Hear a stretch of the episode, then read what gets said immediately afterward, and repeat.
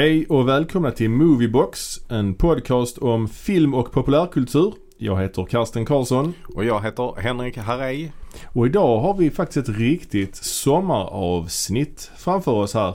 Eh, vi ska prata nämligen om eh, biosommaren 1982. eh, närmare bestämt biosommaren i USA 1982. Och dessutom när vi säger sommar så är vi rätt liberala där. Eh, Vi börjar redan i maj månad och går fram till i slutet av augusti kan man säga. Och det som är så speciellt med, med biosommaren 1982 är ju att det släpptes en väldig massa eh, kända, för att inte säga klassiska, filmer av rätt så vitt skilda genrer. Nu pratar vi mest Mm. Hollywoodfilm här. Eh, och en del av de här filmerna som släpptes under den här sommaren har ju blivit klassiker idag.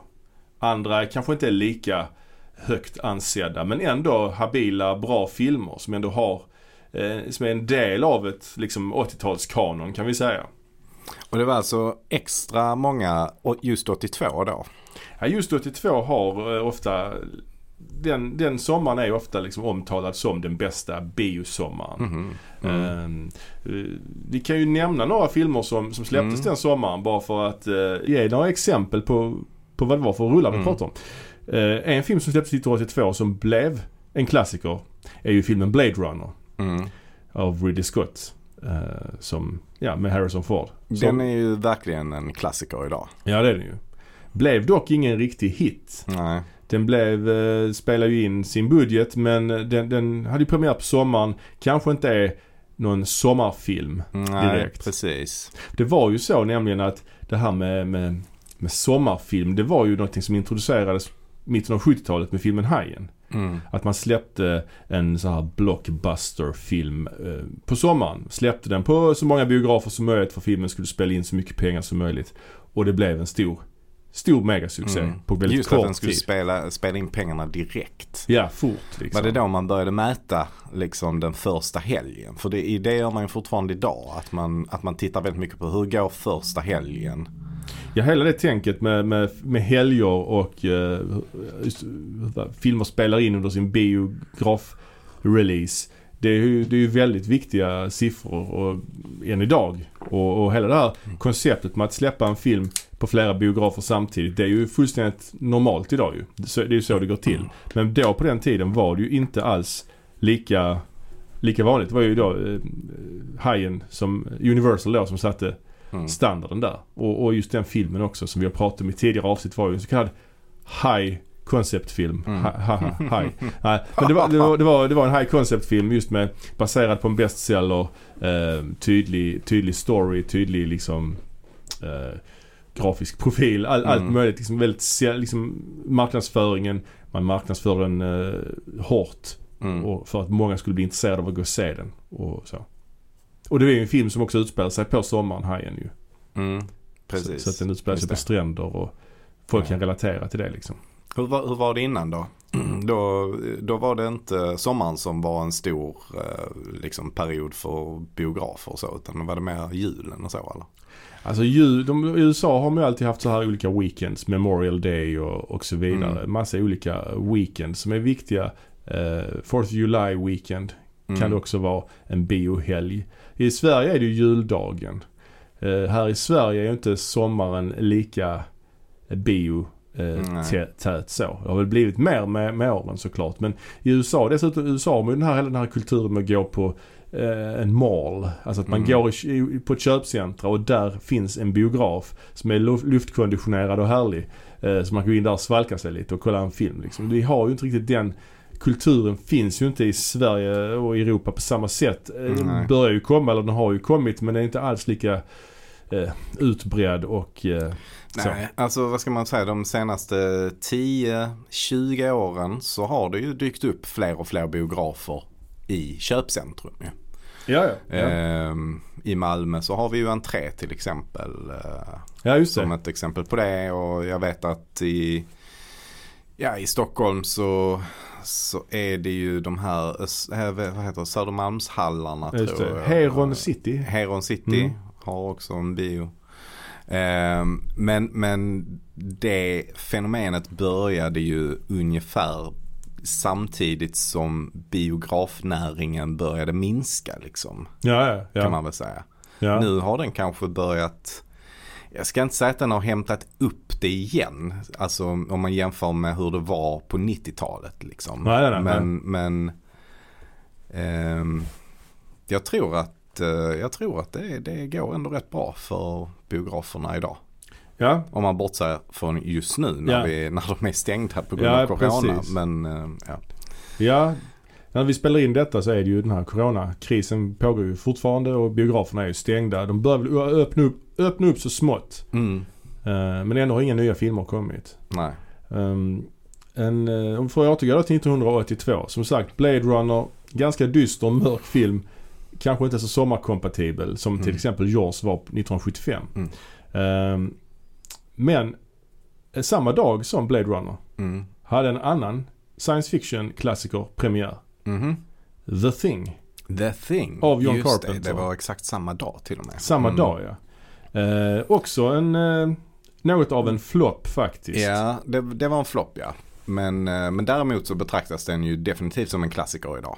Oh ja, och jag skulle säga att rent objektivt så tycker jag nog det är John Carpenters bästa film. Ja, Eh, Den har som eh, liksom summan av dess beståndsdelar överstiger allt annat han har gjort skulle jag säga. ja. Men vadå, vad menar du med att, att det är objektivt det är hans bästa film? Ah, men, det, ja, men alltså rent den är snyggast fotad, den är bäst välgjord, välproducerad. det är Ennio ju- Morricone. Det är ju Morricone-musik. eh, och, och eh, du vet en del av det soundtracket som, han inte, som inte användes använde sen Tarantino till eh, den här Hateful Ja, Eight. Just Det är det. lite kul. Mm. Men, nej, men just att, att det är ju Carpenters typ sista Vad tycker du egentligen om musiken där i The Thing? Alltså för grejen med Carpenter Mm. är ju att han, han har ju gjort riktigt bra eh, soundtracks ju själv.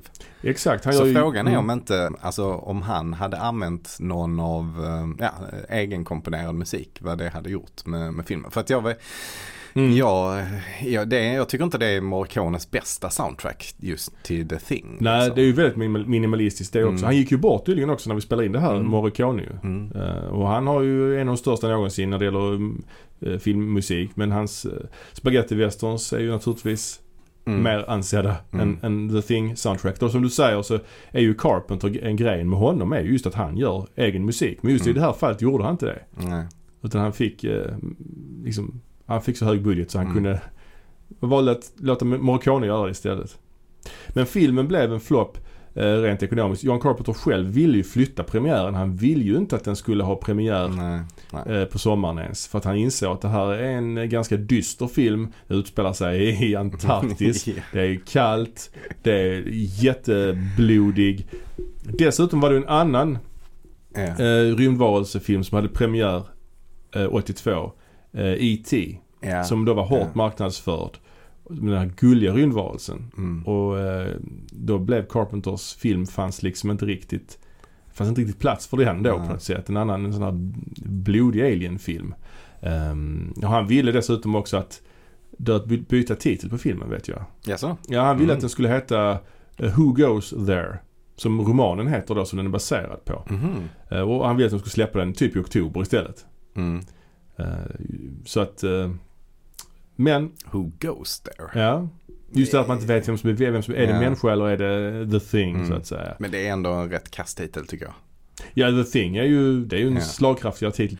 Eh, John Carpenter hade ju problem sen med sin, han fick lite problem efter the thing just att han förlorade kanske lite grann sin Midas touch Mm. liksom. Och han, han, han fick ju sparken från sin nästa projekt. Det har vi Mm. varit inne på tidigare faktiskt i den här Mm. podden men han skulle egentligen göra den här Firestarter, Eldfödd, Mm. Stephen King Mm.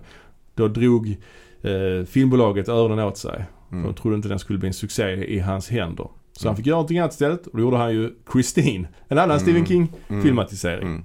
Som jag tycker ändå är helt okej. Ja, jag tycker det är en av hans sämre filmer. Nej, alltså inte på senare tid. Men, men Ja, av de fattar. filmerna som han gjorde i den eran så tycker jag att den är svagast.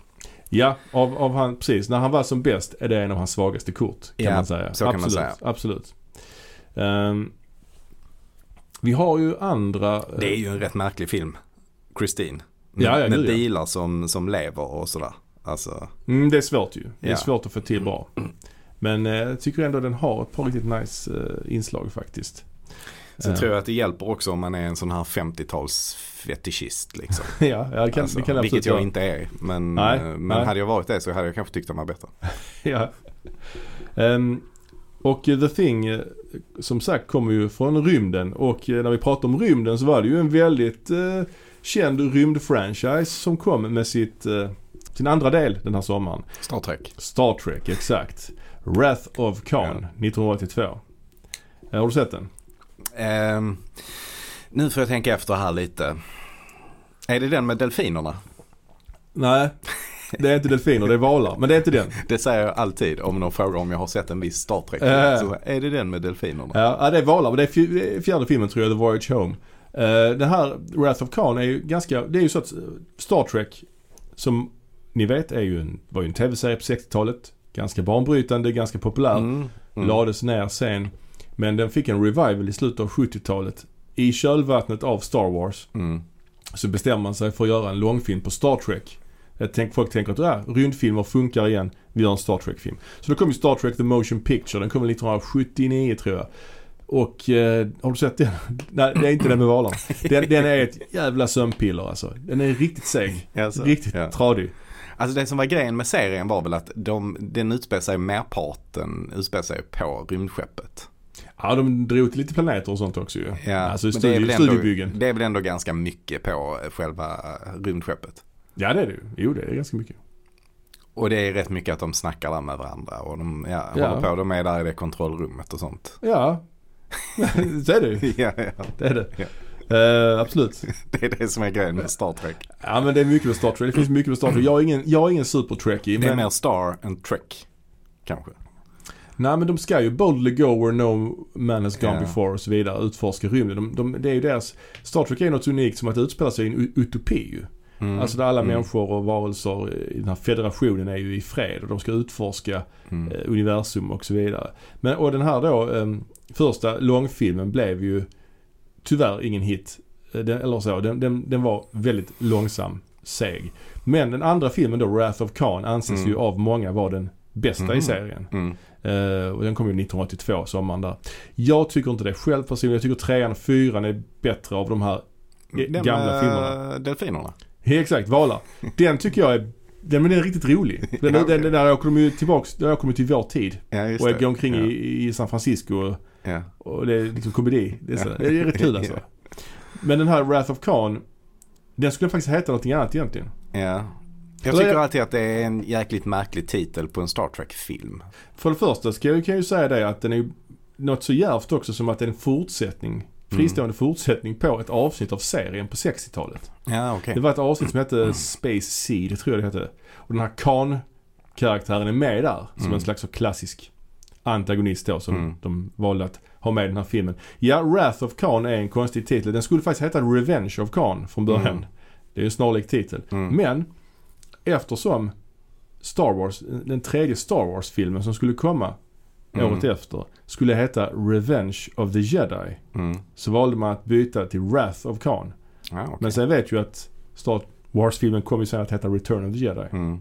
Eftersom George Lucas kom på det att en Jedi söker inte revenge. Aha, Liksom. det så? Så det ändrade de till Return istället. Ja, ja. Så det kunde heta Wrath of, Revenge of Khan egentligen. Ja. Då blev det Wrath istället. Ja. Så jävla mycket vrede vet jag inte om det är heller. Han, han snor ett rymdskepp har jag för mig.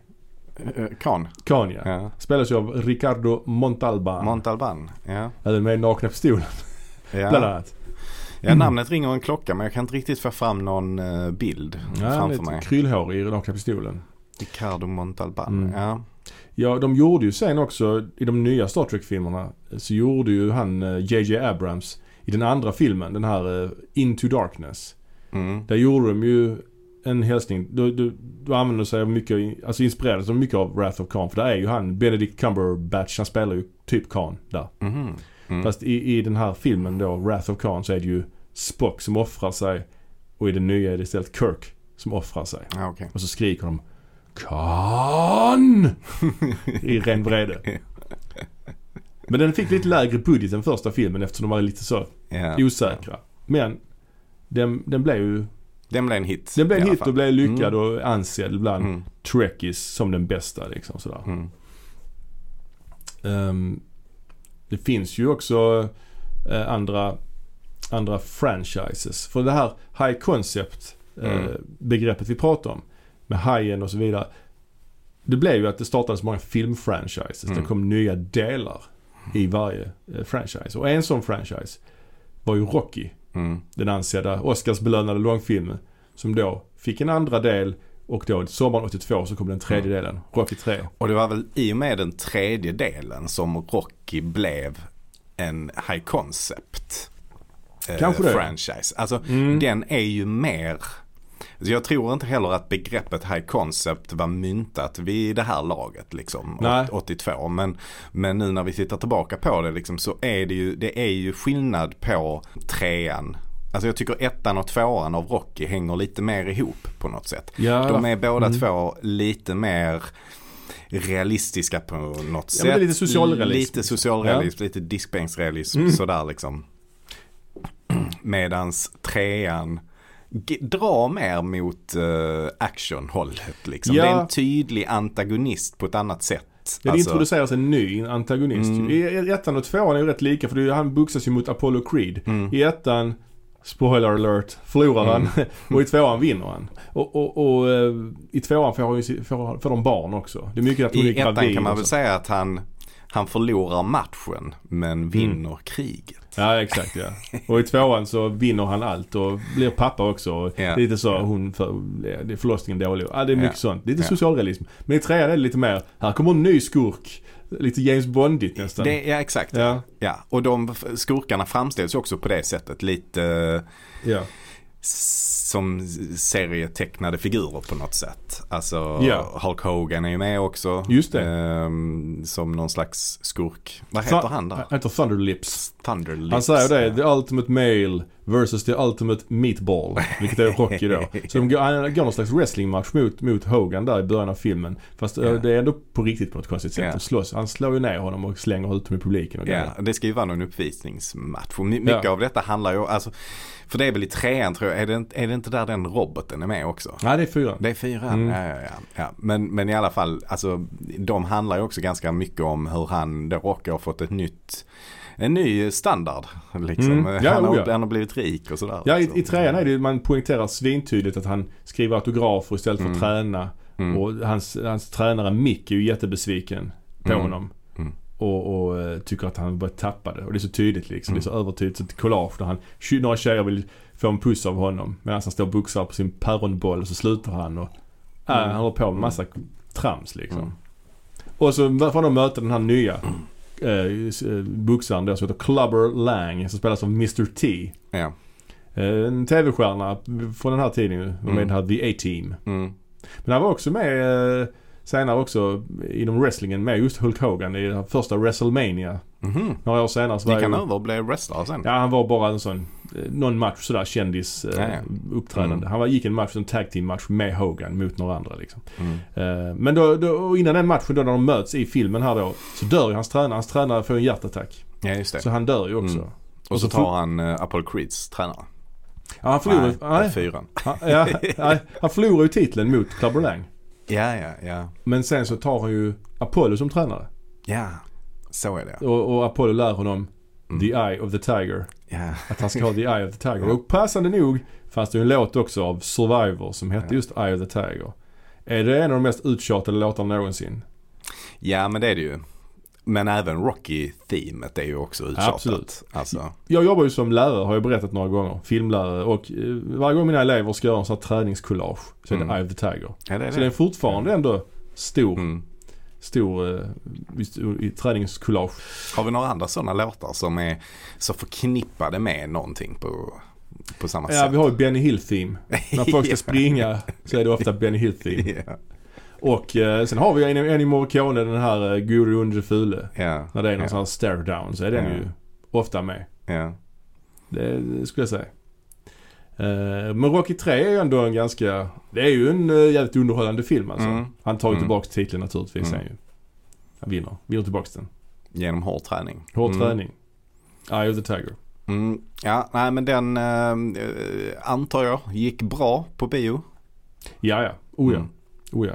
Och Till, sen kom, till skillnad då från Blade Runner och eh, The Thing. ja precis. Som bara gick Mm. lite plus, gick Mm. den här mycket plus. Eh, och sen kom ju fyra några år Mm. senare och, och femman och så vidare. Ja, det fortsatte ju.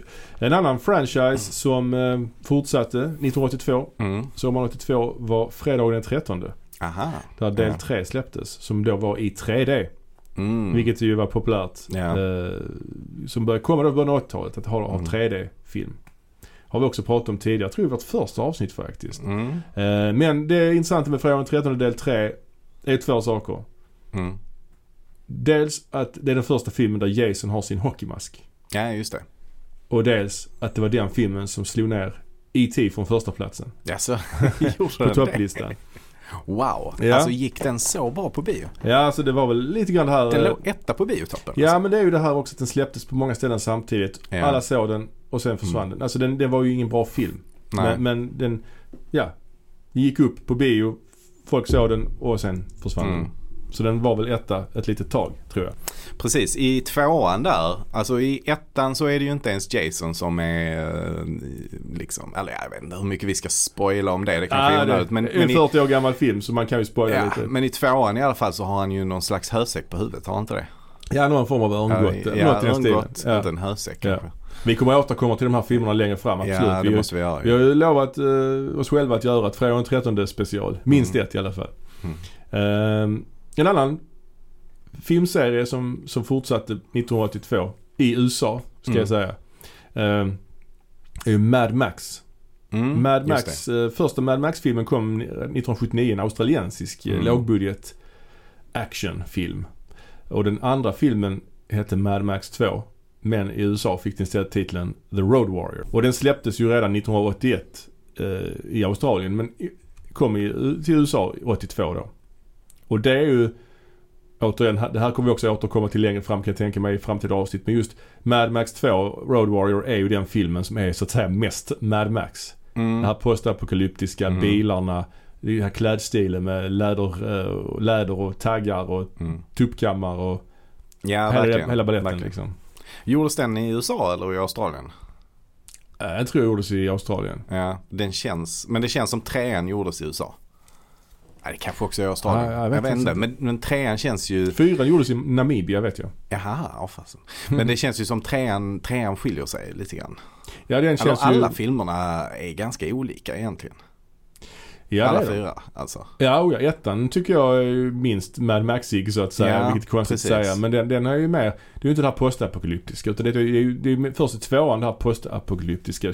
Det blir mycket in. tydligare i alla fall. Ja, ja. Alltså för jag tror ändå att ettan också är det egentligen. Ja det börjar väl bli, där finns ju ändå poliser och så. Han är ju ändå polis i Ja, ettan. Men sen ja. blir det väl, man rör sig mot ett laglöst samhälle. Ja. Och sen i, tre, i fyran, eller i trean så är det ju också uppenbart att han träffar de här barnen som Mm. Skapat en egen mytologi. Det, som är, det som är kul med Mad Max-filmerna är att man får aldrig någon riktig förklaring till eh, vad det är som har hänt eller varför det är som det är.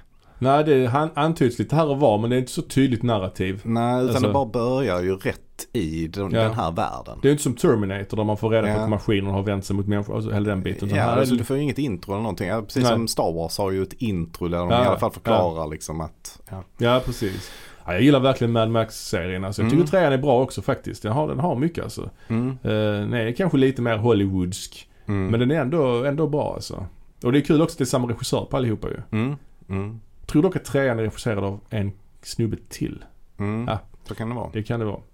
Ehm, ja, vad har vi mer för filmer som släpptes? Vi har ju fantasyfilmer. Det kom ett par fantasyfilmer sommaren 82. Mm. Conan. Conan the Barbarian Mm. med Arnold Schwarzenegger. Hans stora genombrott ju. Mm. Precis. ju- Sen gjorde han ju Terminator några år senare. Men Mm. Conan Barbarian är ju också är ju en bra fantasyfilm. Ja, verkligen. Det är det. Framförallt i inledningen skulle jag säga. Ja, När, de kom, när han är liten och de kommer till byn och plundrar byn. Och, det är ju väldigt snyggt gjort. Alltså. precis. Ja, men den har kanske lite paja scener lite Ja. sen i slutet. Eh, där de håller på och, och, och ja, slåss eh, i slutet där liksom. Ja, Eh, och han James Earl Jones spelar Mm. ju, eh, han som, alltså gamla Darth Vaders röst då, spelar ju skurken. Mm. Eh, vad heter han? Tulsa Doom. Tulsa Doom, Han har det. skön eh, Han kan förvandla sig till en orm. Ja, och det, den effekten är väl inte Mm. riktigt eh, klockren. Nej, Eh, tyvärr.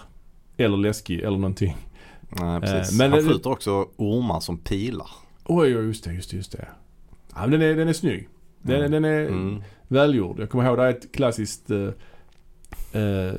klipp. De fångar ju Conan när han Ja. är barn och binder fast honom vid sånt här hjul där han får gå runt, runt. ja. Och sen klipper man från hans ben, klipper man framåt i tiden till han är vuxen och då har hans ben blivit jättemuskulösa. Ja. Då är det Arnold Ja. Schwarzenegger istället Ja. ju. Då är han superkrampig. ja. Och har gått där och har fått Ja. en full body workout. Ja. Jag kommer ihåg min kompis, när jag var Ja. liten, när jag såg den filmen. När när det klippet kom så sa han, de ska, han ska tacka dem för det. För utan dem så hade han inte blivit så krampig. Ja, okej. Nej, men hans familj hade levt och han hade inte varit Ja, slav i ja. 30 år. Ja, ja. Men eh, ja, Conan, det blev fick en uppföljare också, Conan the Destroyer. Mm, just det. Den är ju betydligt svagare. Den Mm. är ju riktigt kass alltså. Har jag för mig. Mm. Det kan man kanske säga. Och sen i samma härad finns ju också Red Sonja. Som Ja. är, där spelar ju inte Arnold Conan men han, det är ju samma författare, Robert E. Howards Mm. karaktärer. Liksom. Jag för mig att i serien, alltså den tecknade serien, så förekom de två karaktärerna tillsammans. Ja, liksom. jag för mig det också. Det var ju det Marvel kom- som gav ut dem ju. Ja, ja, ja. Eh, Men det, det är ju konstigt att, att Schwarzenegger är med, men han spelar inte Conan tycker jag. jag det vet, man märkligt. tror att det, han är ju också med på omslaget väldigt tydligt ju. För Ja, att han sålde ja. in filmen. Det är ju Birgitte Nilsson, danskan, som Mm. spelar Röda Sonja Mm. där ju. Det skulle bli, komma en trea också, Conan the Conqueror, men den lades på is tyvärr. Mhm. Sen Mm. kom det ju en ny med han. Mm. Jason Momoa. Ja, jag har faktiskt inte sett den. Nej, jag har inte sett den heller. men den, den, den har inte fått så vidare bra kritik. nej, så- är det ju. Det är svårt med barbarfilmer alltså. Jag tror att det var något svenskt bolag som var involverat i produktionen av den också. Ja, men, jag- ja, kan vara. Jag tror det var ett svenskt bolag som ägde rättigheterna till Conan ett tag. Ja. Jag kan inte Ja. komma ihåg vad det var för något. Men nej, eh, nej. en annan fantasyfilm, Mm. Fast lite mer magi, Mhm. som kom den här sommaren. Det var ju The Beastmaster Mhm. av Don Cosciarelli. Ah, ja. En av våra favoriter. Mm. Han också gjorde tidigare gjort filmen Fantasm 1979. En jättesurrealistisk Mm. eh, skräckfilm. Som också är värt ett avsnitt i sig. Men Mm. han gjorde i alla fall en, en uh, fantasyfilm som heter The Beastmaster. Med Mark Singer i huvudrollen. Just det, som ju då är eh, kusin kanske till Brian Singer. Ja just det, regissören ja. Ja, Ja. regissören Brian Singer. Ja just Som ju har gjort uh, de eh, The Usual Suspects till exempel. det. X-Men och sånt. X-Men och sånt där. Ja.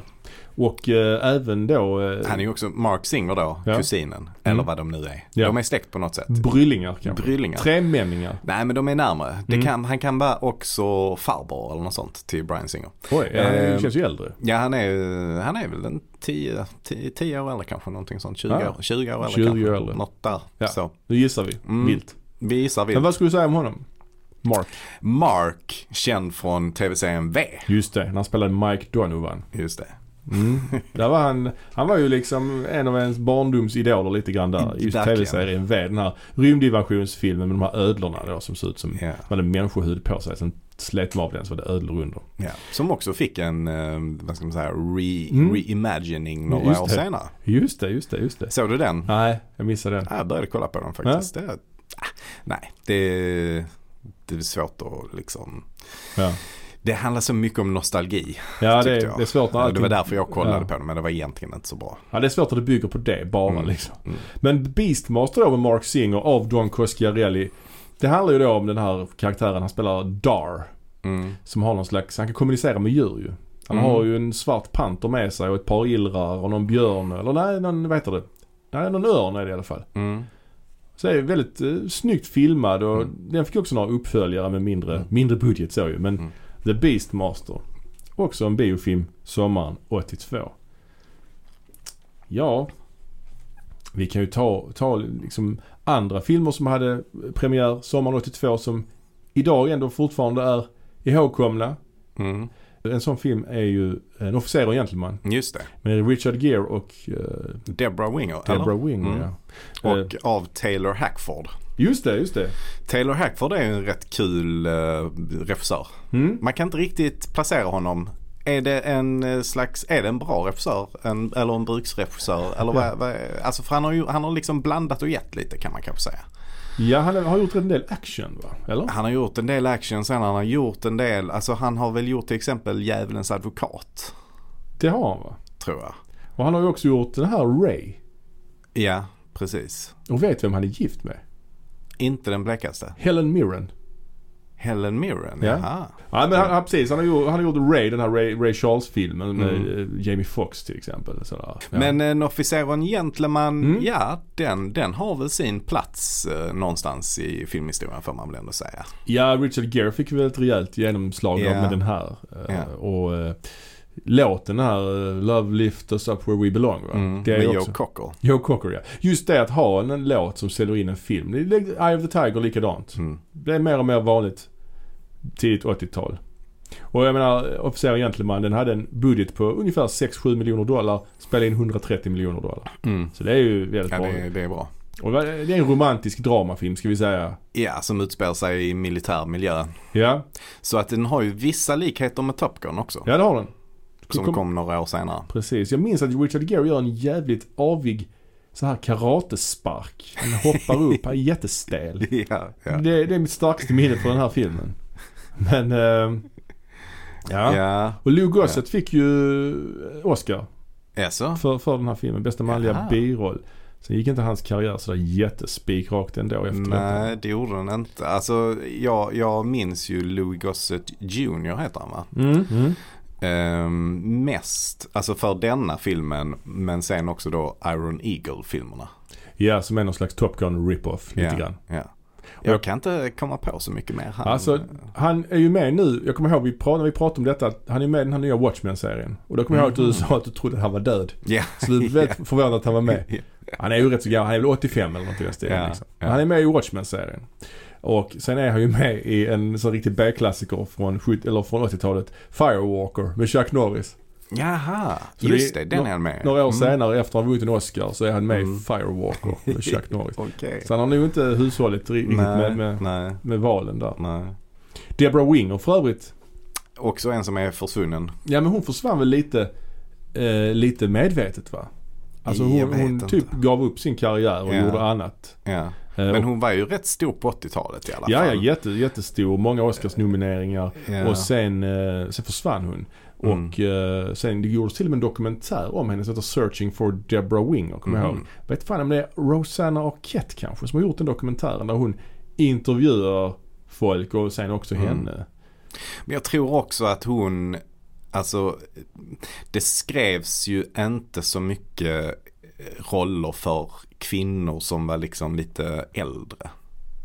Eh, Nej, på den kanske inte. tiden. Alltså under 80-talet och så. För det var ju hon och till exempel en annan Kathleen Turner. Ja just det. De var ju väldigt stora på 80-talet och sen Mm. bara försvann de. Ja, ja. Och det var väl förmodligen för att de, de ansågs för gamla för att spela, alltså för då var de Mm. över 40 Ja, liksom. ja. Och då ansågs man för gammal, eh, antar jag, för att spela de här, eh, Ja, the romantic lead the liksom. romantic lead. Ja, så är det ju. Så är det ju inte för, var det ju inte för män, eller är det inte för män? Där Nej, kan ju mannen gärna vara inte. 30-40 år äldre än kvinnan i, Mm. i Hollywood. Så Mm. är det ju. Harrison Ford är ju ofta... Ja, så har det alltid varit ja. ju tyvärr. Ja. Alltså Humphrey Bogart till exempel. Oh, ja. Han var väl i 60-årsåldern när han hade Nej, tror- 20-åriga motspelare. Jag tror faktiskt inte det. Jag tror aldrig han blev 60. Nej, jag tror han, nej. nej. han såg ut som Ja. 60 när han var 40. ja, precis. Eh, men eh, ja, ja men precis. Det, ja, det, Nej men han mm. blev ju ihop med hon Lauren Bacall. Ja, hon var ju inte gammal nej. Nej, alltså Nej. då var de ju motspelare. Jag, han Mm. var väl rätt många år än Ja, ja, jag tror hon var alltså. 21 och han var... Över 50? Väl? Eller? Jag tror inte han blev Jag tror inte han, han blev över 50. Nej. Nej, jag, jag, ska kolla, jag måste kolla hur gammal blev Humphrey Bogart. Hur gammal blev Humphrey Bogart? Nej, han blev, han blev 57. 57? Ja. Ja. Eh, och hon, eh, ja. Eh, gifte sig med henne 1945 när hon var alltså eh, 19. ah, Nej, nej. 21. 21. Ja. Eh, ska vi återvända till 1982 efter, Ja, det här, efter det här sidospåret. Mm. Men eh, vi har ju en annan, en, en komedi. Som Mhm. kommer, det var ju Döda män klär inte i rutigt. Apropå Oh. Humphrey Bogart. Oh. Det är med Steve Martin. Ja, Svart. Steve Martin vehicle. Eh, kan man säga. De har en svartvit eh, så här noir-komedi. De har det. klippt in Steve Martin i äldre filmer. Mm. Jag tror det är Carl Reiner, nyligen bortgången, Ja, ja. som gjorde den Mm. filmen. Eh, ja, det är ju märkligt alltså. Att basera en hel film på, på Mm. gamla klipp. Ja. Det fanns en annan sån här, vad hette den? Kung Pao. Någon sån kung fu-film som fanns att hyra Ja. för 20 år sedan. Det är också Ja. som tagit gamla kung fu-filmer och lagt in ja, någon. okej. Ja. Ja, det är lite det konceptet. Men eh, ja, den är ändå någon, en, en ihågkommen film kan man Mm. säga verkligen. En annan komedi som, som kom den här sommaren eh, är ju eh, Fast Times at Richmond High. Mm, just det. Svensk titel. Eh, häftigt drag i plugget. Bra, häftigt drag i plugget med eh, Sean Penn eh, i huvudrollen. Mm, Eller en av rollerna i alla fall. just det. Och det var väl Cameron Crowe som också var involverad i det här på något sätt. Han skrev ett manus. Han skrev manuset ja eh, och han, han den var lite själv, eh, vet du, självbiografiskt Mm. manus. Han brukar göra det. Han gjorde även den Almost famous eh, typ 20 år senare. Som Mm. handlar om hans eh, tid som journalist. Så det här handlar mer om hans tid i, i, i skolan då liksom. Eh, regisserad av Amy Hacker, Heckerling. Mhm. Eh, en av de, hennes, hennes första film. Kanske inte är så household. Nej, men är det, har hon gjort Clueless? Ja, Ja.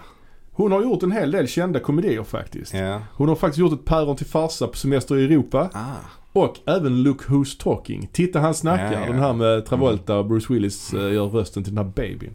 Mm. Så hon har en hel, eh, ändå en eh, gedigen filmografi. Och hennes första film var då den här Fast Times at Richmond High.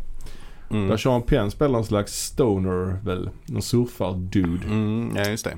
Och där är andra kända namn. Som skulle bli kända sen i alla fall. Bland annat Jennifer Jason Leigh. Mm. eh, Judge Reinhold. Och eh, Phoebe Cates inte minst som också Mm. är med sen i Mm. Gremlins till exempel. Så att, eh, ja den här är en Mm. helt okej Nej men Amy. Heckerling banade väl väg lite kanske för kvinnliga regissörer. Ja, skulle jag nog säga. Eh, faktiskt. Jag tror hon försvann sen. Ja. Efter, efter Clueless typ. Så. Ja, Det känns lite grann. Hon gjorde de här Lucas Talking-filmerna. Ja. Och sen, hon gjorde faktiskt, ja, inte trean. Men efter Clueless som var med också i tv-serien, jobbade med tv-serien Clueless. Så Ja. gjorde hon, eh, regisserade hon eh, lite The Office avsnitt faktiskt. Vi har lite musikaler också som hade premiär den här sommaren. Mhm. Pink Mm. Floyd gjorde sin The Wall Mm. till exempel. Mm. Albumet kom ju några år tidigare. Men det är väl deras Mm. mest kända låt, The Wall skulle jag säga. Mm. Nu är jag ingen Pink Jo, det är Floyd eh, entusiast så, men den Nej. är ju väldigt Vad känd. kallar man en Pink Floyd-entusiast? Pinky? vet- En Pinky. Nej. Vad kallas det? Men The Grateful Dead heter ju Deadheads. Ja just det. Star Trek-fans heter Trekkies. Ja. Vad fan heter Pink Floyd-fans? Nej det är svårt. Pinkies. Floydies. Pinkis. Pinkies. Pinkies, det är sådana små sådana möss man matar ormar med. Pinkis? Jag tror det är. Jaha. Pinky. Ja. Men är inte det slang för lilla, lillfinger? Eller Ja det är också, det är Pinky. också. En annan musikal. Om vi ska ta upp. Ja, Det är ju ja. Annie.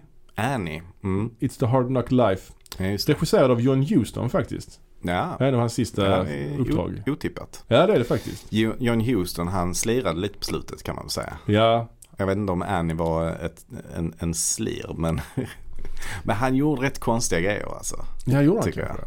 Ja, han är ju en de stora. han har gjort ganska mycket som man inte tror är John Houston. Jag tänker att han gör rätt, rätt så- alltså han jag förknippar honom med westerns och lite så här hårdnackade filmer på något sätt. Ja, ja, ja. ja. Inte Annie. Han har gjort Casino Royale också till exempel. Ja, alltså den, oväntat. den gamla 60-tals som, som kom efter att Sean Connery hade gjort några filmer som, som Bond. Så gjorde de ju ja. en annan Bond-film Ja, då. just det. Casino Royale. Väldigt så campy. Ja, ja. Ja. och det är han som har gjort den till exempel. Ja, och han har ju också regisserat den här, en av de bästa Moby Dick-filmatiseringarna Mm. han, eller den Mm. bästa. Med bland annat Gregory Peck. Mm. Och han har gjort eh, Riddarfalken från Malta och Sierra Mm. Madre Skatt. Alltså det Mm. the list goes on and on alltså. Mm.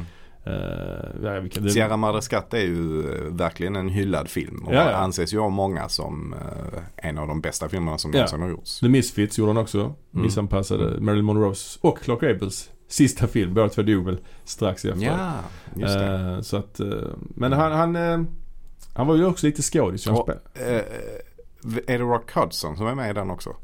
Nej, Montgomery Clift. Ja, ja. För Ja. han dog väl också strax efter. Jag gjorde han kanske ja. Ja, det var ändå Jag någonting. tror att han dog kanske i aids. Ja, Rock Hudson dog i aids. Ja, okej. Ja, Jag ja. blandade ihop de två. Ja. Mm. Sen har vi ju andra filmer. Alltså 1982. Det kom ju också eh, barnfilm. Eh, Mhm. 1982, sommaren. Tidigare, eller senare under året kom ju den här Dark Crystal. Mm. Eh, Jim Hensons. Mm. Men på sommaren så kom eh, The Secret of Nim. Jaha. Den här tecknade, den här musen då som gjordes då av Don Bluth. Mhm. Som var någon slags, eh, han var före detta anställd på Disney. Mm. Men han eh, bröt sig loss från Disney och startade en egen studio. Ah. Och gjorde då, NIM var hans första. Mm. lite mörkare sådär. Handlar om en mus. Jag har inte sett den på rätt länge kan jag säga. Men hans, Nej. hans nästa projekt, jag tror det var hans nästa projekt, blev lite mer känd. Mm. Han gjorde den här resan till Amerika. Mm. Sen har han gjort också den här eh, Landet för länge sedan, Mm. The Land Before Time. Så har gjort något som heter Änglahund, All Dogs Go to Heaven. Det var någon mus som hette Fievel, var inte? Ja men det är den eh, resan till Amerika. Det är resan till Ja. Amerika. Och den sen här- fanns det också någon som hette Basil Mus. Ja det är Disney. Det är Det är, Disney. Disneys här Ja, Sherlock okej. Holmes-pastisch. Ja. Men Disney var lite grann eh, åde så att säga. Det var inte under deras... Eh, 80-talet var inget bra eh, årtionde för Disney kan man Nej. säga. Ja, och när vi ändå pratar om Disney så är det ju så att vi har ju valt ut då några filmer som vi tycker är intressanta och eh, har eh, sett om kan man säga för att eh, gräva lite djupare i dem. Och en av dem är ju då Disney-filmen Tron som kom 1982. Just det. Regisserad av Steven Lisberger Ja. och producerad av Donald Kushner. De, de två var ju ett team Ja. här. Eh, Lisberger var ju någon slags animatör.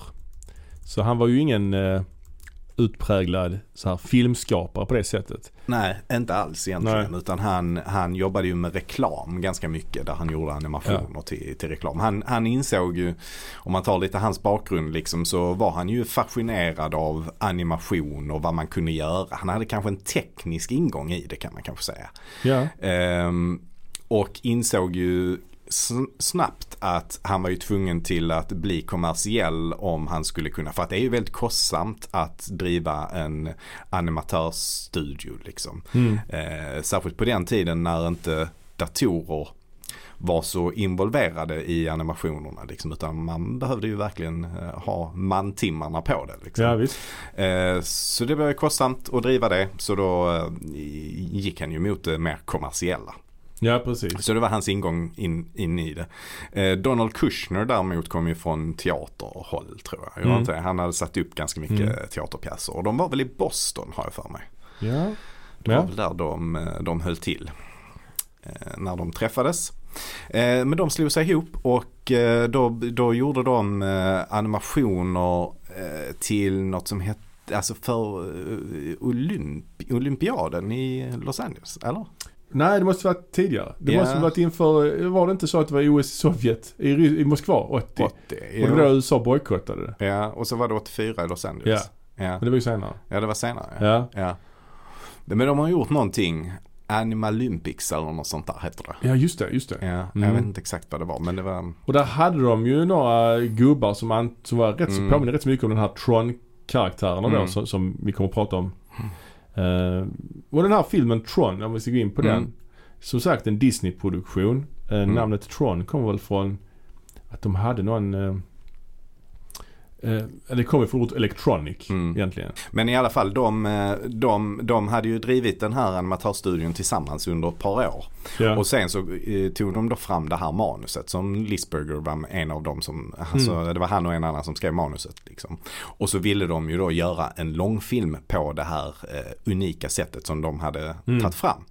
Ehm, och då gick de runt till en massa olika studios och eh, hamnade till slut hos Disney. För det var Mm. de enda som eh, kunde tänka sig hoppa på det. För de hade också eh, tittat en del på så här. De ville liksom utöka sitt, eh, det de höll på med till att gå lite mer mot datoranimerade ja. saker. För det är just det den här filmen är. Mm. är Mm. Banbrytande. Det den är känd för just att man använder datoranimation. Mm. Vilket var unheard of 1982. Ehm, och eh, Disney som sagt, de var, ju- hade ju inte sin guldålder vid den här tiden heller. Nej, verkligen inte. Så att eh, det var ändå ett djärvt drag av Disney att satsa på den här filmen. För den Mm. är ändå ganska... Den, den är ju... Den är ganska svår på vissa sätt. Mm. Den är inte helt tydlig. Nej, verkligen inte. Och den är helt... Eh, när man ser postern och, och själva titeln Tron och hela den biten. Visst, det andas lite science fiction och häftig neon och sånt. Men samtidigt också är det lite obskyrt liksom. Mm. Det är ju ingen känd förlaga och så utan det är ju, det är ju detta liksom. Mm. Eh, och den, den, ja vad ska vi, vi ska ta lite Ja, kort om Man kan ju ta lite, om bak, lite mer om bakgrunden. Det här var ju lite grann om Lisberger hur han kom in i det. Men, men eh, i, under den här tiden så var det ju spelhallar som började växa fram i, Ja. i USA. Det blev på Arkad. ar- arcade halls liksom. Det Ja. blev ju Det blev ju stort i slutet på 70-talet. Mm. Eh, De första datorspelen kom ju tidigt 70-tal. Mm. eh, Med, med Pong och de här. Precis. eh, Som, ja, och, och, men sen fick det en boom på 70-talet. Ja. Eh, och det var också i den vevan som hemdatorerna gjorde sin entré. Det var ju dock inte något som alla hade. Eh, så nej. det fanns ju fortfarande, vad ska man säga, en viss eh, liksom skräck för det. Alltså Ja. många var ju skeptiska mot den här nya tekniken Mm. med hemdatorer. Och det speglades ju också i ett antal andra filmer. Ja. Eh, har du något exempel? ja, det finns ju filmen War Games. War Games, Som kom 83. Mm. Den var ju också, det handlar ju om en kille som råkar hacka sig in i Pentagons eh, kärnvapensystem i stort sett. Och Ja. nästan startar tredje världskriget. Och sen har vi ju också pratat om Superman 3. Som ju Ja. också tar upp den här skräcken för datorer. Ja, också den från 83. Båda de från 83. Men eh, Tron kom ju som sagt 82. Ja. Eh, Lisberger då, han, han älskade dataspel. Men han tyckte liksom att det var lite grann en subkultur kring dataspel. Och han ville då Mm. göra det större och känt för en bredare publik. Ja.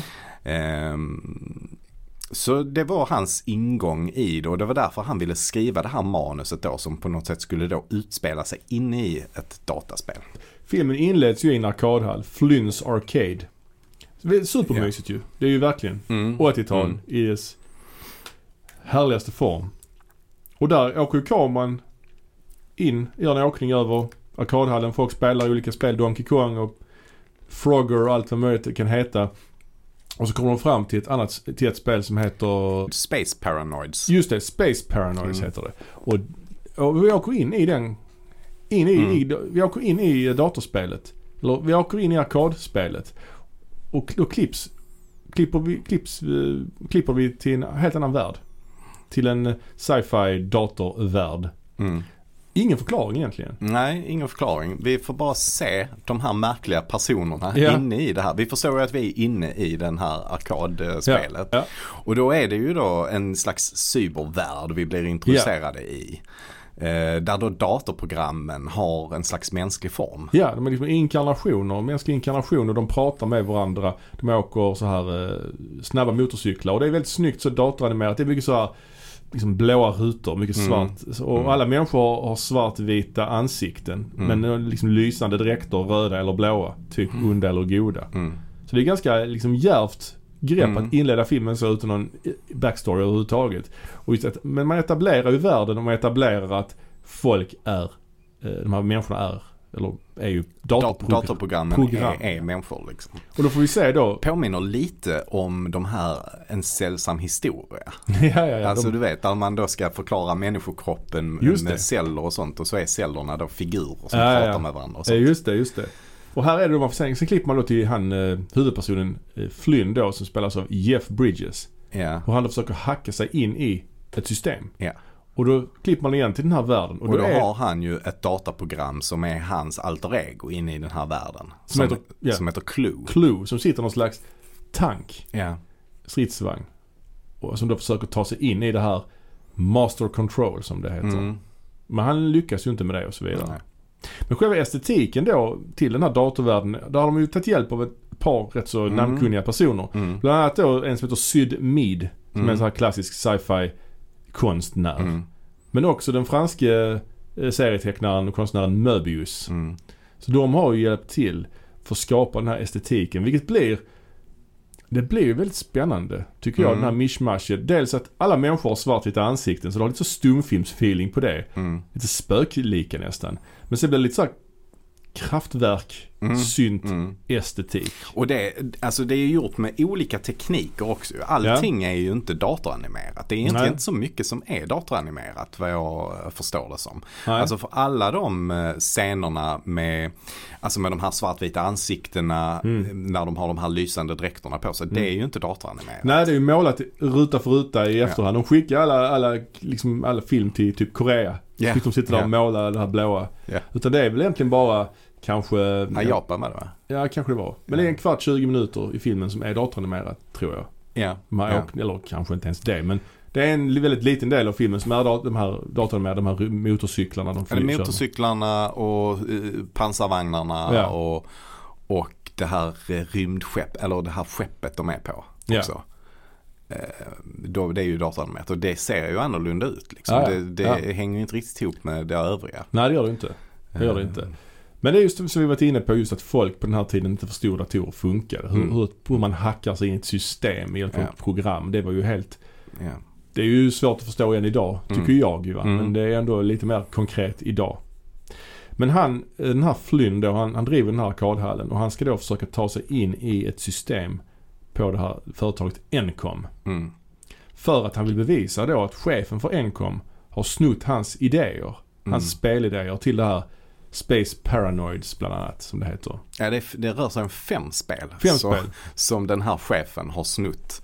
Mm. Eh, och eh, att, att chefen då snudde de här spelen gjorde till slut då att han kunde bli en av de högsta cheferna för det här jättestora Mm. företaget Encom. Just det. Eh, och redan där har, vi lite, har jag lite problem med, Ja, ja. med, med premissen för den här filmen. Ja, just det. Ja, Eh, det, det känns lite märkligt att de här fem spelidéerna skulle liksom generera så pass mycket. Att han har blivit en så supermäktig person på det här företaget. Just det. eh, På grund av detta. Men vi kan väl säga också att Flynn då spelas av Jeff Bridges. Och den här chefen som vi har pratat om, han, han vad är det han heter? Han David heter, Warner. Ja, Nej, han heter Dillinger. eh, Dillinger heter han ja. han Och spelar- spelas av David Warner. Ja. Precis. Eh, och David Warner har vi ju pratat lite grann om. Eh, han var ju även med Ja. i Omen Ja, just som det. fotografen. Just det. Ja. Så han, han har vi gått igenom ganska gediget kan Ja. man säga. Även känd från Titanic. Just det.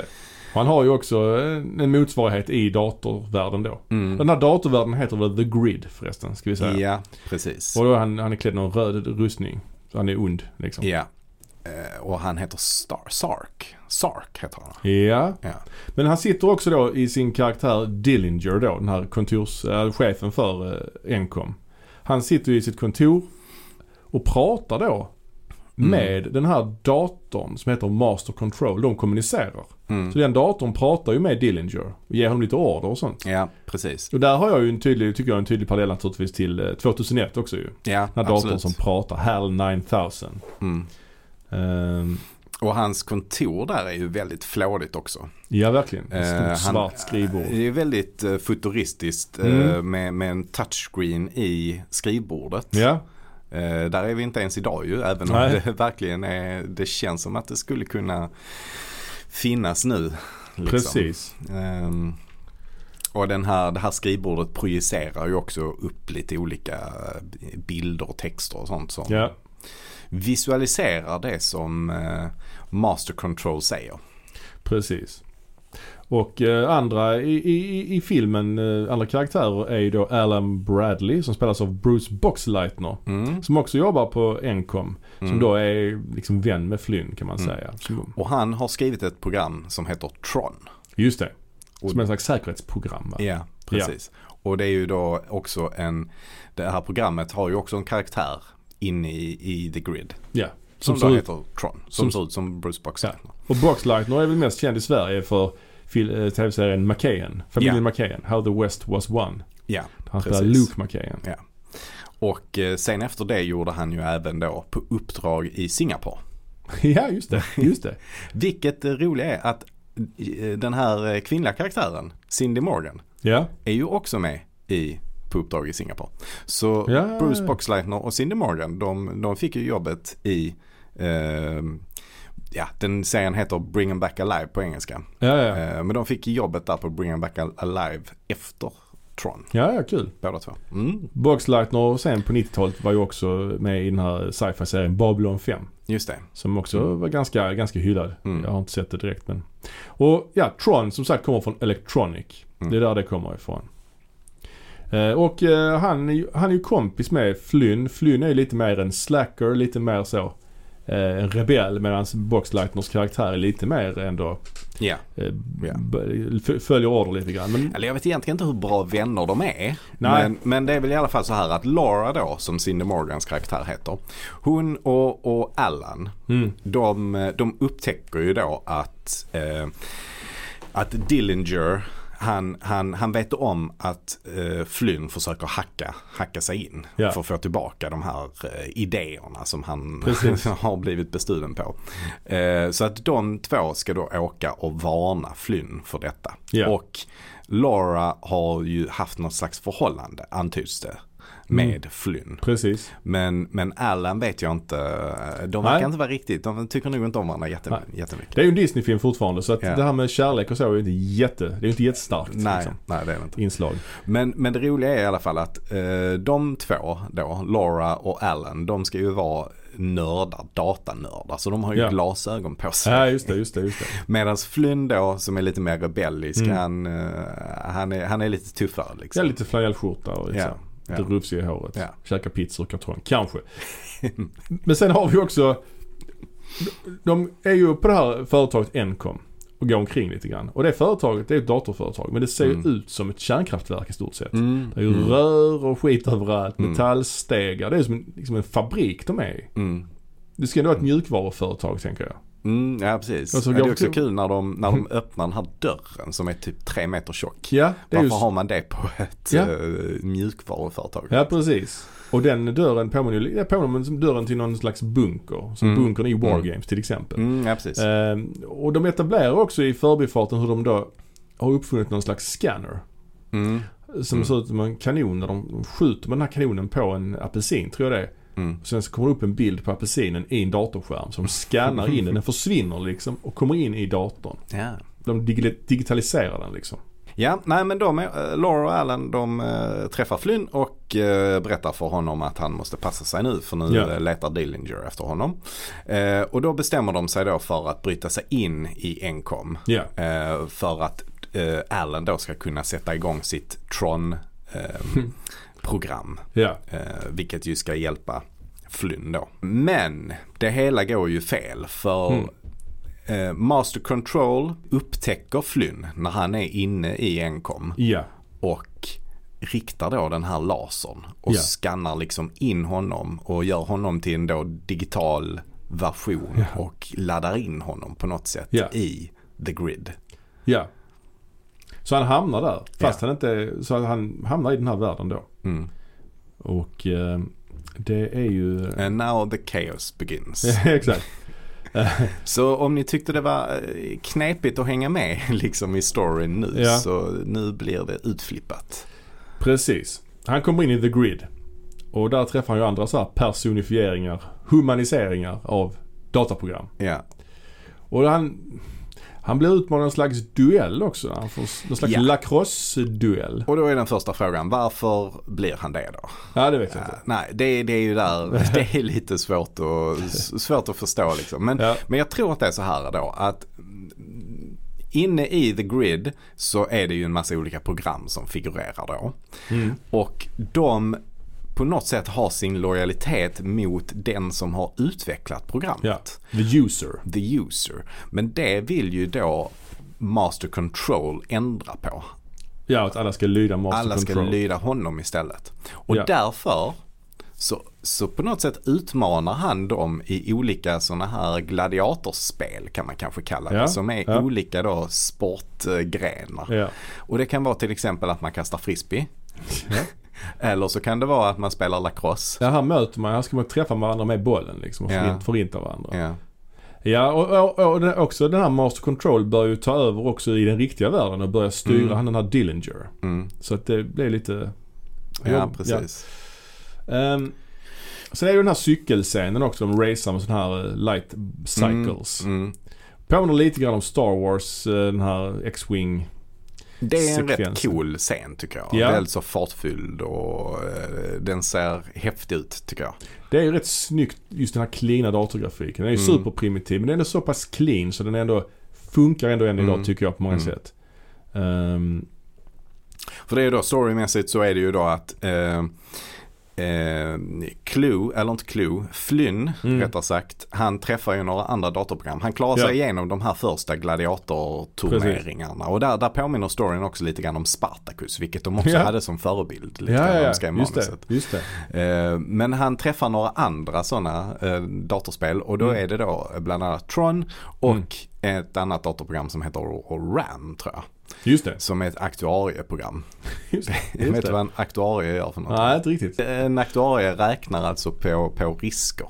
Ja, just det. Och räknar liksom ut, eh, ja alltså på, på ett väldigt avancerat sätt vad olika risker Ja, ja, ja. eh, är. Men det är i alla fall, och han den här risk, vad heter han? Ram. Mm. Han är ju någon slags, han är väl lite räddhågsen av sig va? Ja, det är han. Ja. Absolut. Tron däremot är lite modigare. Men Mm. jag tycker det är intressant faktiskt att filmen heter Tron. Alltså Tron är Mm. ett bra namn på en film, det är ett coolt Mm. namn. Men han är ju långt ifrån huvudperson. Ja, precis. Han är precis. ju liksom en bikaraktär. Ja, men han är väl ändå protagonisten på något sätt. Även om Ja. han, han är inte huvudperson ju. Vi, det är ju inte honom vi får följa. Nej det är det ju inte. Ehm, men det är ju ändå han som är hjälten. Alltså, väl? Jo det, Eller? blir, jo det blir det ju. Samtidigt är det ju ändå Flynn som är den som Ja. vi får följa. Det är ju hans story liksom. det, det är Flynns story Mm. och, och det är ju han som genomgår en förändring. Ja, Liksom. Det är han som utvecklas. precis. Ehm, ja, nej, men det påminner ju faktiskt lite grann om eh, Mad Max på det, på det eh, sättet. Alltså den senaste, Fury Road. Ja, ja. Du menar att Tron då är Furiosa? Ja, Eller eller, tvärtom? eller kanske? tvärtom kanske. Furio- alltså, ja, Furiosa utvecklas kanske mer. Ja, ja. ja. och det är, ju, det är ju hon vi får följa på något sätt. Mm, kanske. I ja. Fury Road. ja, precis. Precis. Så jag tänker att Tron då är Mad Max. Eller som eh, seriestrippen Blondie. Jaha. Den handlar ju egentligen om hennes man Dagobert Krickelin. ja. Det är ju han som är huvudpersonen. Ja, just det. Han gör ja. såna Dagobertsmackor. Ja, ja. Supertrevligt. ja. Ja men Tron, ja precis. Och, och de flyr då från The Grid. Det, ska, det är liksom det det Mm. ska gå ut på. Mm. De blir jagade av de här ry- rymdskeppen så att säga. Och eh, den här, eh, vad heter han? Eh, Dillingers karaktär, Sark. Sark heter han ja. Han försöker fånga dem. Ja, han försöker fånga dem ja. Och han skickar sina gubbar efter dem och sådär. Lite Matrix också här känner- jag. De Ja, har det- nog ändå kollat på den här filmen när de kom på Matrix. De här skepp, Ja, skeppen och det här liksom alternativa verkligheten och så Ja. vidare. Absolut, ja. Ja, och sen så eh, så går det väl egentligen ut på att de då ska, vad är det de ska göra egentligen? För att här har jag lite svårt att hänga med i det. Eh, när de Ja. är inne i den här datavärlden. Vad är deras eh, mission liksom? Vad är det de försöker göra? Och, och varför försöker Master Control stoppa dem? Vad är det Master Control vill? För jag tappar lite, jag tappar lite intresset. Jag tycker den här är fantastiskt fin Mm. att kolla på och det är, Mm. den ser ju inte ut som någonting annat överhuvudtaget. Varken före eller efter liksom. Så att det är ju fascinerande allt detta. Ja. Men jag har problem med storyn och det gör att jag inte blir så engagerad i resten av, av filmen. Nej men det, alltså det är ju lite grann, de ska förstöra Master Control. Master Control vill ju styra alla program. De, det är lite de ska förstöra dödsstjärnan i Star Wars. Ska Mm. hitta, hitta en Mm. svaghet och så vidare. Ehm, och jag håller med dig också. Att den här filmen är ju starkast rent visuellt. Jag tycker det är väldigt, den är banbrytande och den är kul att se som ett tidsdokument. Jag tycker många av effekterna fortfarande är rätt nice. Mm. Eh, jag, jag jämför den lite, jag har jämfört den lite grann man tänker Metropolis fast en Mm. digital Mm. version. Fast betydligt, betydligt lättsammare naturligtvis. Eh, och jag tror också att hade det inte varit en Disney-film Mm. så hade den varit mycket bättre. Ja, ja men det är helt klart. Helt Ja. klart. Den, hade ju, den hade ju tjänat på att vara mörkare Ja, faktiskt. verkligen. Ehm, jag tycker också att musiken stör jag mig på rätt mycket. Mm. Ehm, musiken, hade den varit mer syntig, vilket Ja. ju hade passat in, det är den ju inte alls. Nej, Det är det. det som jag tycker är så himla konstigt. Ja. Och ganska sådär, ja men halvglad musik kan Ja. man säga. Alltså typisk Disney-musik på något sätt. Ja, Den skulle ju bara, alltså John Carpenter-aktig musik istället. Mm. Ja. Bara väldigt minimalistiska syntar. Det hade varit eh, mycket mer passande. Ja, jag håller, håller med. Och, men vi kan bara ta, det slutar naturligtvis Mm. lyckligt i en Disney-film. Alltså Ja. de, de besegrar ju Master Control, Flynn kommer tillbaka till den verkliga världen. Och sen blir han ju då chef för, Encom. Encom ja. Och man ser ju skillnaden. Vet, I början av filmen får man se när Dillinger kommer i helikoptern Mm. till Encom och landar på taket. Då är helikoptern röd. Alltså Mm. röda neonljus på sig. Och sen Mm. när Flynn gör samma sak så är den blå istället. Mm. Det är ju sjukt snyggt när, Mm. eh, när den helikoptern landar på taket. Ja. Men när den är helt röd. Liksom. Och sen är det också intressant att man ser skylinen eller skyskraporna i stan att det påminner rätt mycket om The Grid också. Man ser Mm. parallellen där liksom. Ehm, ja, Just det. filmen i sig som blev ju ingen direkt hit ekonomiskt. Nej, den spelade ju, alltså den, den gick rätt mycket plus liksom. Ja okej. Det gjorde Men, den. men den är inte så mycket som Disney hade hoppats på. Nej. Med tanke på dess liksom banbrytande effekter och så vidare. Nej, precis. Men den gick ändå alltså mycket plus. Men det är ändå, ja jag tycker det är konstigt att de inte var nöjda med det. Ja, alltså, ja, jo. De hade väl högre projects, projections. Ja men det blev ju det efter, efter liksom det här med Star Wars och så att det krävdes mer mm. ekonomi. Mer, mer profit. Mm. Eh, och den blev ju inte Oscars nominerad eh, Nej. för effekterna för att det ansågs ju vara fusk Jaha. att använda datorer. Jaha. Så den blev, Var var inte legible. Nej. Sen fick något pris 15 år senare som någon slags plåster på såren Mm. grej. Mm. Men det är ju intressant att se liksom utvecklingen för just datoreffekter. Om man tänker, Mm. detta är 82. 11 år senare, 93, Mm. släpps Jurassic Park. Mm. Det är bara Mm. 11 år senare. Ja. Men det är ju en evighet ju i, i datoranimations... eh, ja, det är det. Verkligen. Verkligen. Alltså, man får också tänka på vad som hände med datorerna under, Ja. den, under den tiden. Jag läste någonstans att alltså, de hade, alltså hård, storleken på hårddisken Mm. var 330 megabyte som de Ja. använde. Ja. Och internminnet var 2 megabyte. Mm. Det är ju alltså Ja, det är galet. telefon idag har vi ju mycket, mycket mer. Ja, ja visst. Alltså det Ja, det är helt eh, galet alltså. ja, ja. Eh, men ja, summa summarum, den här filmen, jag tycker den är, den är ett intressant tidsdokument. Jag tycker den har eh, många stämningsfulla sekvenser. Framförallt liksom the grid-bilderna. De här Mm, datoranimerade mm. sekvenserna. Mm.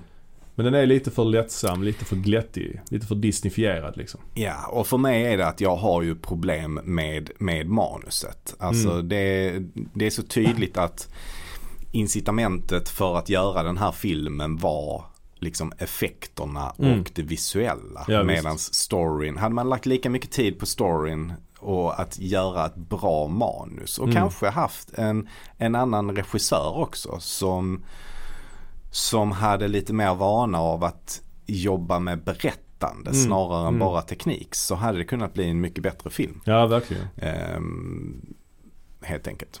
Men, men den är intressant ändå på Mm. många sätt och vis. Den, den har ju en del frågeställningar i sig. Liz Berger har ju, har ju sagt i någon intervju som jag såg att ehm, Alltså en, en annan aspekt av det, det var ju att Alltså att alla människor har ju en slags elektronisk identitet idag. Ja, Det är ju, idag är det ju mycket mer på tapeten. Liksom. Ja. Alltså att vi förekommer ju i en massa olika register. Och på den tiden så var det kanske inte så många register. Då var det körkortsregister och lite så. Mm. Men idag så eh, Mm. förekommer vi ju Ja, alltså handlar du någonting på nätet så Mm. förekommer du i det registret. Och ja, googlar du på någonting och inte Mm. har alla säkerhetsinställningar på och sånt så förekommer du i, sparas den liksom The Grid his- är ju, historiken. precis, The Grid är ju internet liksom. Mm, Ja, mm. Och låt, som du säger, där inkarnationen av, av en människa Mm. i datorns värld är ju idag helt normal. Ja, och det är ju det företagen gör idag Ja. när de jobbar med sin marknadsföring. Att man eh, på något sätt sparar en massa Mm. data Mm. eh, och, och, och, som man räknar ut på sin trafik. Och sen så bygger man ju upp en slags eh, generalisering av en människa. Ja, precis. Som man då döper till någonting till exempel som då får Mm. Ja. Ja, Ehm, ja, och sen så i, i övrigt så Bridges då. Han, han ville jättegärna göra den här filmen. mm. Men ehm, de hade ju kanske tänkt sig någon lite nördigare person. Bridges är ändå lite, ja, ja. ja. han är ju lite, lite tuff sådär. Liksom, och rätt vältränad och sådär. Mm. Eh, men egentligen hade de tänkt sig någon nördigare. Och han Allen hade de tänkt sig som någon mycket äldre okej. också än Bruce Boxleitner. För de är ju ganska lika varandra i, i både utseende och i ålder. Ja, ja visst. Ja. Men de har ju tänkt sig någon, någon, eh, någon helt annan. Mm. Jag eh, läste också att Peter O'Toole hade Mm. anmält sitt intresse för att spela faktiskt eh, Alan Jaha. och Tron då. Ja, ja. Eh, oj. ja, Peter O'Toole känd från Lawrence of Arabia. Ja, exakt. Han var ju rätt gammal vid det här laget. Ja, ja, ja. Ja. Redan, redan då. Ja, Redan då. precis, precis. Ja. Men jag tycker ändå att, eh, ja, nu är man ju så van vid att det är de som är Mm. spelare i Mm. filmen. Så att man tycker ändå det funkar liksom. Ja, Men, också Eh, intressant mm. att den är faktiskt inspelad på 65 mm film eller Jaha. 70 mm film ja. faktiskt. Det är ju inte så, det är inte så vanligt. Nej, nej. nej. Eh, den enda alltså biofilmen som var inspelad, alltså den som Mm. var inspelad på detta tidigare, det var ju 12 år tidigare. Okej. Så 1970 som det var en film, eller det kom tre, fyra filmer 1970. Det är Airport Patton, Song of Norway och The Last Valley. Mm. Som också är inspelade på 70 mm. Mm. Eh, sen efter eh, Tron så dröjde det ända tills eh, 92. Mhm. Då man gjorde Far and Away. Ja, ja. Tom Cruise och Eh, Nicole Kidman. Ja, och sen kom en film som heter Baraka och så kom Hamlet 96, Mm. Samsara 2011 som jag inte riktigt vet vad det är. Sen kom det också en 2015 som Mhm. du vet vad det är kanske. The Hateful Eight. Ah, såklart. Och det är ju den eh, senaste filmen som är inspelad på det här formatet. Just det. Ja. Eh, och det som det här formatet gör är ju att eh, allting blir ju extremt detaljerat. Ja. Alltså om vi tänker till exempel på The Hateful Eight liksom Mm. så Alltså du ser ju eh, när det snöar ser du ju de Mm. liksom snöflingorna och så Just till det. exempel. Så att det var ju därför man ville använda det just för att de här dräkterna som de har på sig Tron de, de ska ju likna en slags kretskort av något Ja. slag. Eh, och just för att få fram detaljrikedomen i detta så eh, valde de att använda sig av eh, 70 mm film. Mm. Men det gjorde ju också att det blev lite problematiskt eh, för att det är ju är rätt så svårjobbat. Ja, ja. Eh, Skärpan blir ju väldigt, väldigt eh, exakt. Just Liksom. Så att ibland om du, om du liksom står lite grann med huvudet på sidan så kan du det ena ögat vara i, vara i skärpa medan det andra är oskarpt till exempel. Ja, just alltså, så skärpedjupet blir ju väldigt, väldigt detaljerat. Mm. Alltså vad är det här? Är det en sci-fi film? Eller är det en fantasyfilm? För den ställer ju liksom lite så här religiösa frågor kan man nästan säga. Ja. Alltså det här med att eh, Master Control vill ju då att de inte ska, programmen ska ju inte, de, de säger ju det, have faith Mm. in, it, in their users. Alltså Ja, att de det. tror på sina användare. Det är liksom lite så, det är lite religiösa filosofiska Ja, frågor. precis. där. Att Master Controls var någon slags eh, monoteistisk. Ja, Den enda guden så att ja säga. precis. Du ska inga andra gudar hava jämte mig. typ. Ja, eller att förbjuda gudar som Mm. i eh, Sovjet. Ja, just liksom. Alltså så att Master Ja. Control kanske är någon slags så allegori för kommunismen. Kan det också vara. Sen är det ju sci-fi naturligtvis. När det gäller datortekniken och så. Ja, det är det ju. Sen har ju mycket av det, kan man nästan säga, gått i uppfyllelse idag ju. Mm, mm. eh, På ett sätt. Så att, eh, ja det är, det är spännande frågor. Mm. Kul, alltid kul att se filmer, som, alltså futuristiska filmer. Se Mm. med facit i hand liksom. Mm. Absolut. Vilken är din eh, bästa scen i den här filmen? Eller sämsta? Ja, jag, jag gillar ju light cycle-scenerna liksom när de kör. Ja, Det är nästan det mesta där med, med just de eh, skeppen och cyklarna och hela Mm. den datoranimerade biten är ju fina alltså. mm. Själv då? Det jag mindes mest, ja Light Cycle minns man ju. Ja. Men alltså för jag såg ju den här eh, någon gång på 80-talet när jag var ung. Fanns ju också som sån här eh, titta, lyssna, läs. Mm, den hade jag. kassettbandbok. Den hade jag ja. Ehm, Men det, det jag minns väldigt mycket var ju också när de eh, spelade det här tennisaktiga spelet. Ja, ja. Eh, Det är ju det jag kommer ihåg Ja, just det. kan man säga. Men jag tyckte ändå att scenen när Flynn blir eh, lasrad in i, in i the grid tycker Mm. jag är rätt cool faktiskt. När han blir liksom rut, rutor, han försvinner Ja, det, bit för bit. det tycker jag är coolt gjort. Ja, det det. Ser riktigt det. snyggt ut. Ja. Men alla Tron-fans, de fick ju vänta länge innan det blev mer Tron. Ja, det fick de. Eh, Det kom ju faktiskt en uppföljare 28 år senare. Oh. 2010 så kom Mm. uppföljaren Tron Legacy. Mm. Mm. Det, är, det var, måste ju varit någon form av rekord. Att eh, Mm, vänta 28 år innan släpp, man släpper mm. del 2. Ja. Jag tror rekordet har slagits dock Mhm. eh, sen av Blade Runner. Eh, 2049, en annan 82-film Just det. som också fick en uppföljare några år- par år efter. Så Mm. det tog nog kanske 35 år eller något i den stilen. Ja. Ehm, Jag tror också Indiana Jones ligger rätt bra till. Alltså det är inte alls så många år men Nej. det är 20 år i alla fall. ja, ungefär 20 år ja. Ja, mellan från- 3 och mellan 4. trean och fyran, ja. Star Wars var väl, det var en prequel i och för sig men det var väl, Mm. ja, det var bara 16 år så det, Mm. det är ju ingenting i sammanhanget. Ehm, men. Tron Legacy, återigen Tron Mm. får ju titel, blir titelkaraktären. Mm. I den här filmen är Tron med ännu mindre. Mm. Själva den karaktären. Eh, jag, jag kommer ihåg när den skulle släppas den här filmen. De släppte ju någon teaser först. Mm. Som de visade på den här Comic Con. Mm. Och ingen visste vad var de skulle se. Så de fick ju se någon person som sprang omkring i den här The Grid fast då upphottat till 2010 års, Ja. med ja. 2010 års teknik. Och man fick se hur han hoppade fram och den här lightcyclen dök upp. Mm. Och sen började han köra. Så var det en ganska lång sekvens och Jeff Bridges var ju med. Mm. Och sen så kommer den här Tron Legacy titeln upp och då hör man ju folk liksom och jublar liksom. Ja. Att, det- och det tycker jag är fett. Jag tycker det är liksom det är gåshud, gåshudsmoment där Verkligen. liksom. Även om den här filmen, som sagt det här var väl ingen Kanske inte en film som så, sådär jättemånga gick och väntade på så att Nej, säga. Eftersom ettan ändå Ja den hade sin tid men den är- var ändå hyfsat bortglömd Mm. ändå får man väl säga. Eh, men så var det ändå kul att de ville satsa på att göra en tvåa. Mm. Mm. Ja, det är kul. Det är väl också en av de första exemplen där man gör en sån här digital de-aging Ja, på precis. Jeff Bridges. Ja, i övrigt så är den här filmen inte speciellt banbrytande om man jämför med ettan. Men Nej. just den här de-aging eh, processen, där har man ju jag tror snarare att kanske, jo det är de-aging ja. Mm. Det är inte bara att de har datorn med att hela huvudet. Eller? Ja, det vet jag inte. Ja, han Det går ju omkring med någon form av scanner på huvudet när de spelar in filmen. Mm.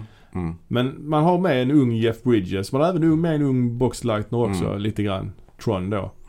Eh, datoranimerat funkar ju inte riktigt alltså. Nej. Framförallt inte de scenerna som är i den riktiga världen. Nej.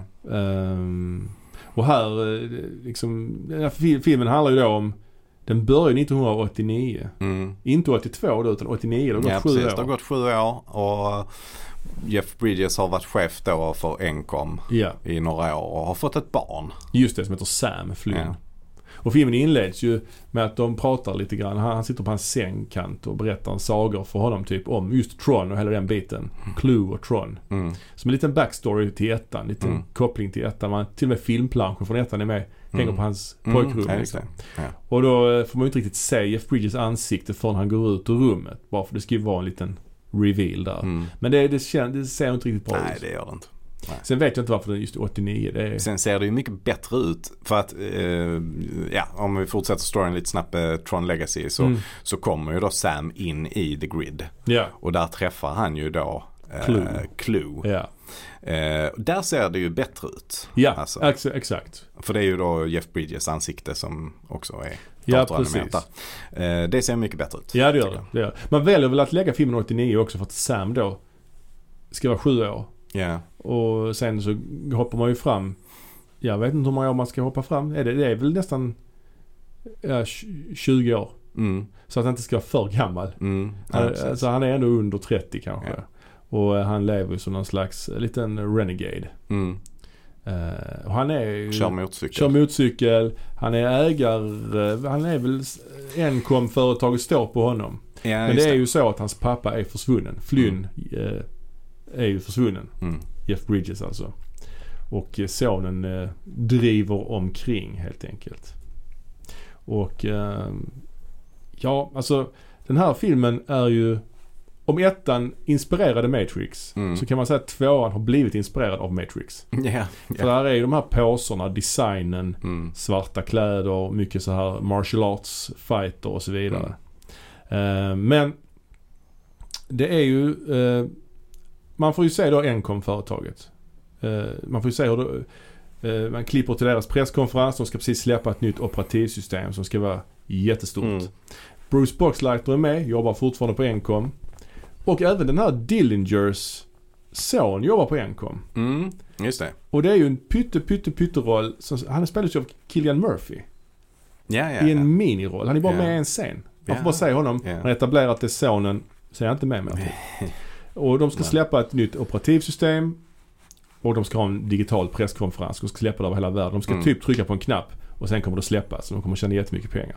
Men då har ju då Sam, sonen, eh, gjort inbrott på Encom. Mm. Samma tjocka dörr fortfarande som i ettan.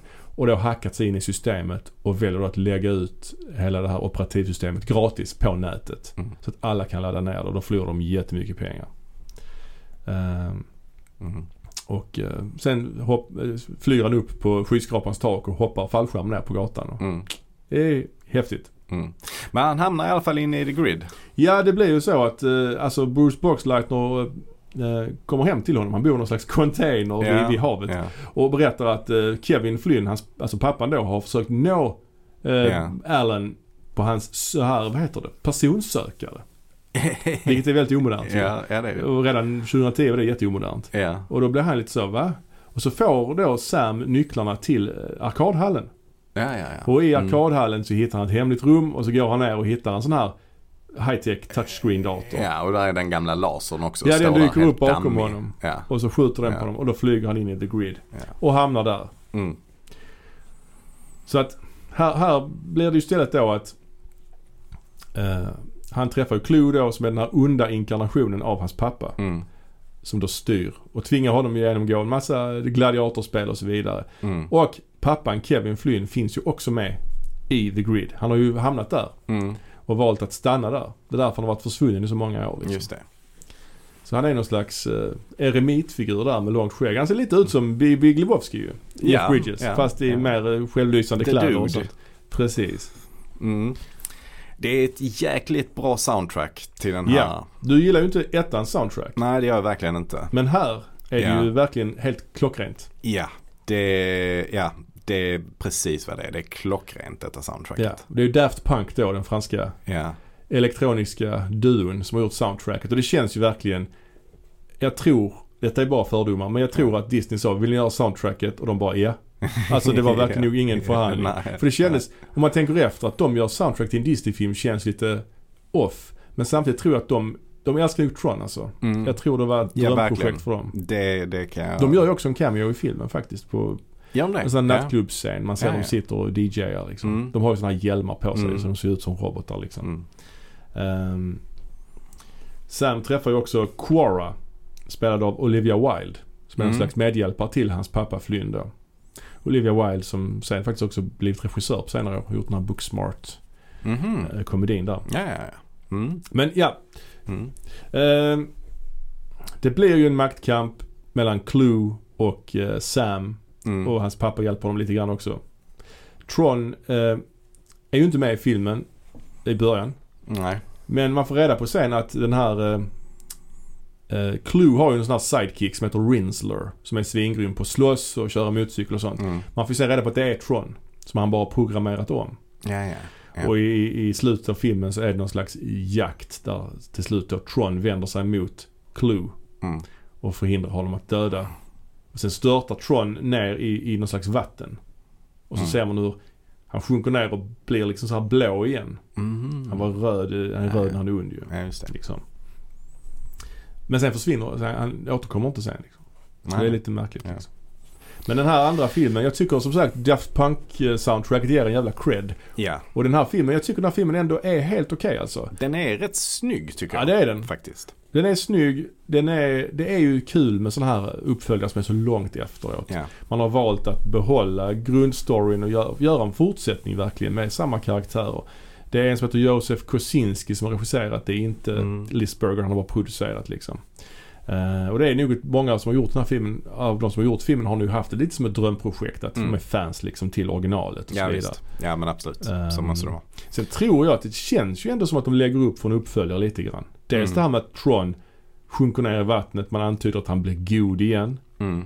Men också där med Killian Murphy i början, att han spelar Dillingers son. Mm. Att han i en eventuell trea då skulle vara Ja, precis. Kanske kommer en trea om eh, 18 år då. Ja, precis. Ja, det hade varit eh, roligt faktiskt. ja, ja. Nej men den, den kanske inte gick heller enligt eh, förväntningarna. Nej, Det blev väl ingen monsterhit detta. alltså. Både ja och nej. Den spelar Mm. väl in eh, dubbelt så mycket som sin budget. Vilket Mm. var en ganska hög budget i och för sig. Mm. Eh, så att, eh, ja. Mm. Ja, det, det känns ju inte som att... eh, Den, den byggde ju också rätt mycket på nostalgi.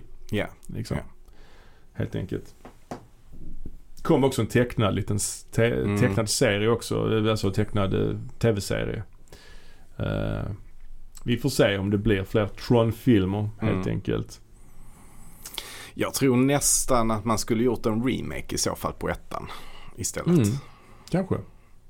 Kanske det. Än att fortsätta det. Liksom, med en, med Ja. en tredje del. I trean, eller i, förlåt, i tvåan så är det ju lite grann att det är de här programmen då. Det är några program som har skapats på annan väg. Mm. De har inte skapats av users. Så de är liksom mer biologiskt skapade. Ja, ja. Eh, Så det är ju lite liksom det som är grejen i den här Mm. filmen. Men ja, det är lite luddigt helt enkelt. Ja.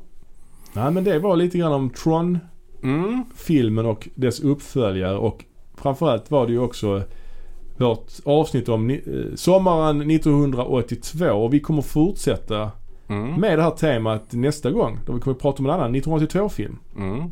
och fördjupa oss lite i den. Får vi se vad det blir för en. Det får vi göra. Ska vi säga så? Ja, det gör vi. Ha det gott! Ha det bra. Hej. hej.